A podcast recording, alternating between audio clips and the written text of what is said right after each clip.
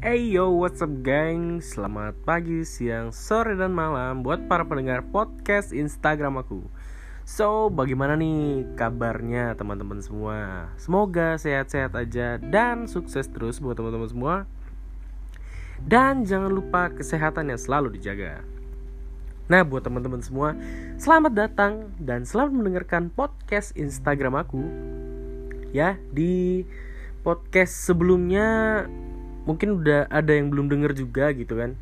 Nah, sebelum kalian mendengarkan mendengarkan podcast Instagram yang akan aku bawakan hari ini. Nah teman-teman harus dengerin podcast sebelumnya dulu dong.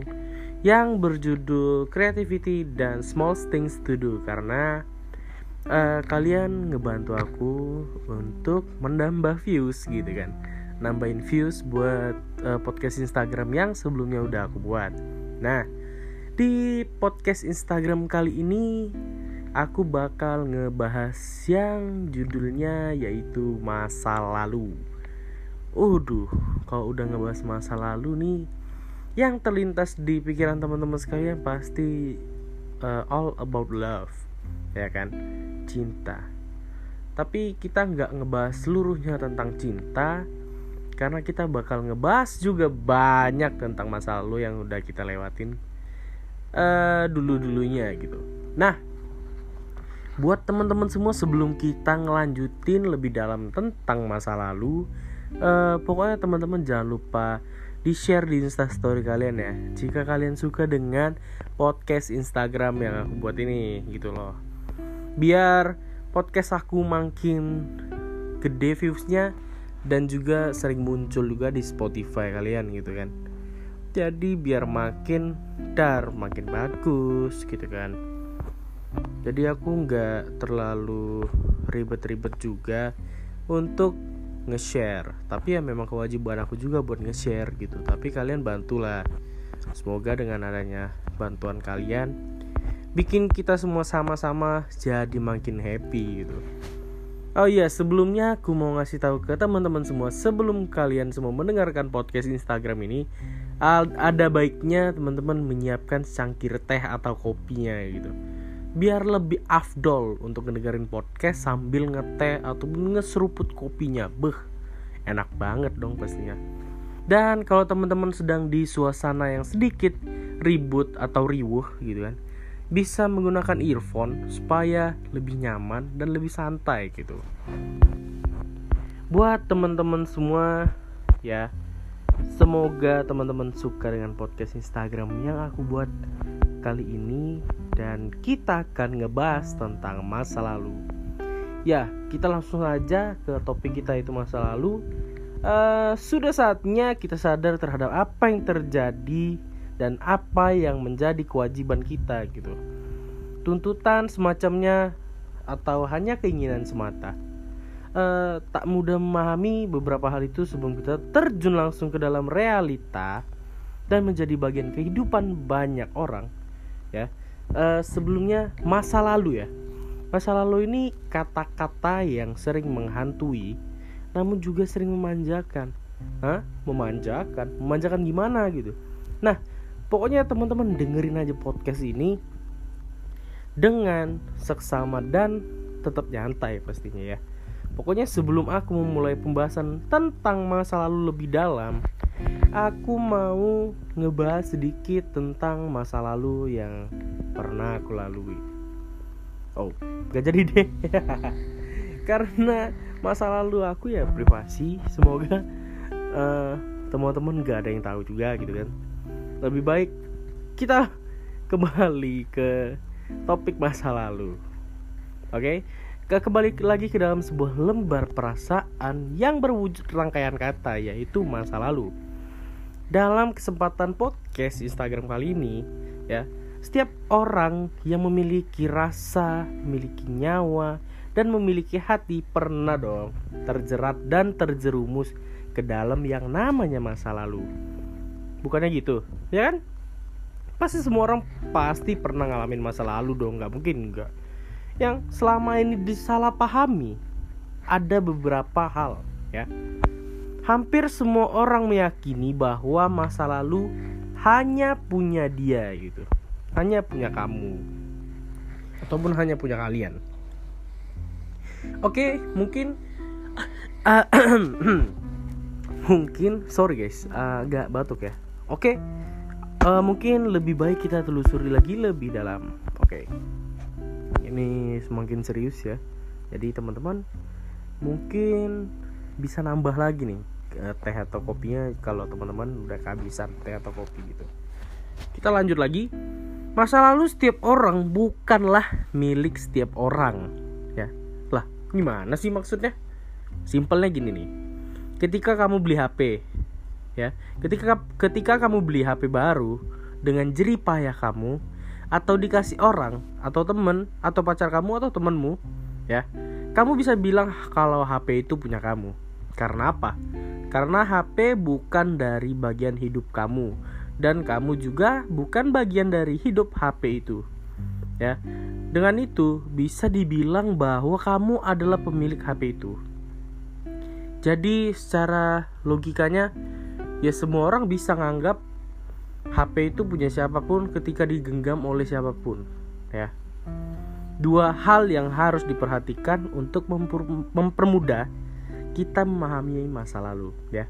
Ada dua hal nih aku mau kasih tahu ke teman-teman semua bahwa hal tersebut yang pertama adalah milik. Lah, kok milik sih? Oke, teman-teman dengerin aja. Bukan bagian dari hidup kita. Bukan tempat kita berasal, bukan termasuk rangkaian yang sakral membentuk diri kita. Contoh tadi yang HP itu ya. So, kamu bukan siapa-siapanya HP dan HP juga bukan siapa-siapanya kamu ya mungkin di zaman milenial HP juga berharga sih sebenarnya ya bagi diriku sendiri HP juga berharga soalnya gitu loh karena HP sesuatu hal yang penting juga untuk berkomunikasi untuk zaman milenial seperti sekarang. Oke kita lanjut ke bagian yang kedua yaitu bagian. Bagian bagian. Hah? kok bagian sih? Tadi milik sekarang bagian. Ini di satu lingkaran yang sama dalam aspek masa lalu. Sesuatu yang menjadi hal yang sangat melekat dalam diri yang secara makna tidak dapat dipisahkan lagi. Contohnya, tangan dan kaki kita kan nggak bisa dibilang milik kita. Karena mereka adalah bagian dari hidup kita. Betul nggak? Ya betul dong. Kalau kamu nggak punya tangan dan kaki, aduh, gimana dong? Ini bukan bermaksud untuk menyindir yang disabilitas dan lain-lainnya. Ini hanya perumpamaan. Mohon maaf apabila saya ada salah kata. Ya. Uh, lalu bagaimana dengan masa lalu? Ada nggak hubungannya dengan kepemilikan dan bagian? Uh, gini, aku rasa pemahaman seperti aku punya masa lalu atau masa lalu kita itu aja udah beda kan. Aku punya masa lalu atau masa lalu kita dengan meletakkan adanya kepemilikan bisa bikin kita lupa diri bahwa masa lalu itu bukan bagian dari hidup kita. Itu adalah eh, hal-hal uh, yang membuat kita sedikit dalam bahaya ya. Karena banyak orang yang terjerumus ke dalam lubang kesombongan karena menganggap masa lalunya bukan bagian dari hidupnya. Jadi uh, contohnya kamu memiliki masalah lalu atau masalah pada hari-hari sebelumnya, namun kamu melupakan itu karena kamu memikirkan itu adalah masa lalu semata dan berdampak pada waktu jangka panjang. Jadi kan itu sedikit berbahaya ya. Kalau menganggap masa lalunya itu bukan bagian dari hidupnya. Ya, tahu ya maksudnya. So, banyak juga orang yang melepaskan tanggung jawab karena menganggap masa lalunya itu sebagai kepemilikan semata, yang tadi aku bilang. Ah, kamu bisa ngelupain satu masa lalumu dengan satu masa depanmu itu belum tentu worth it. Jadi lebih baik kalau memang kamu memiliki masalah sebelum-sebelumnya, jangan kamu tinggal atau kamu lupakan sehari mungkin besok kamu akan lupa selamanya. Nggak mungkin karena masa lalu akan terus menghantuimu gitu. So sehingga dengan mudah kamu membuangnya dan harus melepas diri dari tanggung jawab yang seharusnya kamu terima dan kamu hadapi. Ya ini aku rasa sampai sini cukup dulu. untuk ngasih pandangan kalau kamu menganggap masa lalumu adalah milik ya karena itu salah besar kita mulai lebih dalam lagi untuk merenungkan tentang adanya masa lalu hidup ini akumulatif kita adalah produksi berkelanjutan dari seluruh masa lalu kita. Karena ada ma karena adanya masa lalu kita bisa seperti sekarang gitu. Karena proses adanya masa lalu yang ngebentuk kita jadi lebih baik di masa yang depan gitu kan? Betul banget. Nah semua orang yang pernah kita kenal atau menjadi bagian dari kisah ya kisah kita masa lalu kita adalah orang yang memiliki kontribusi besar terhadap hidup kita. Contohnya teman kecil kamu teman SMP teman SMA teman SD atau bahkan teman tongkronganmu sekarang. Mereka yang kamu pikir adalah teman ya sebatas teman dan lain-lain sebenarnya memiliki kontribusi yang besar dalam hidupmu. Karena mereka sangat membantu untuk membentuk dirimu dan uh, memberitahu ya atau mengubah sifatmu yang sebelumnya. Misalnya sifatmu sebelumnya A. Jadi sifatmu yang B yang otomatis sifatmu yang A buruk atau enggak sifatmu yang biasa aja di A jadi lebih baik dengan sifatmu yang B. Sekarang itu karena adanya kontribusi dari teman-temanmu. Nah di sini aku mau ngasih tahu bahwa kita memiliki kekuatan besar dalam hidup ini karena kita punya teman karena kita punya keluarga karena kita punya sahabat jadi apa pun yang kita lakukan teman keluarga sahabat pacar selalu berkontribusi dalam adanya hidup kita atau hidup kamu ya. Uh, contohnya gini.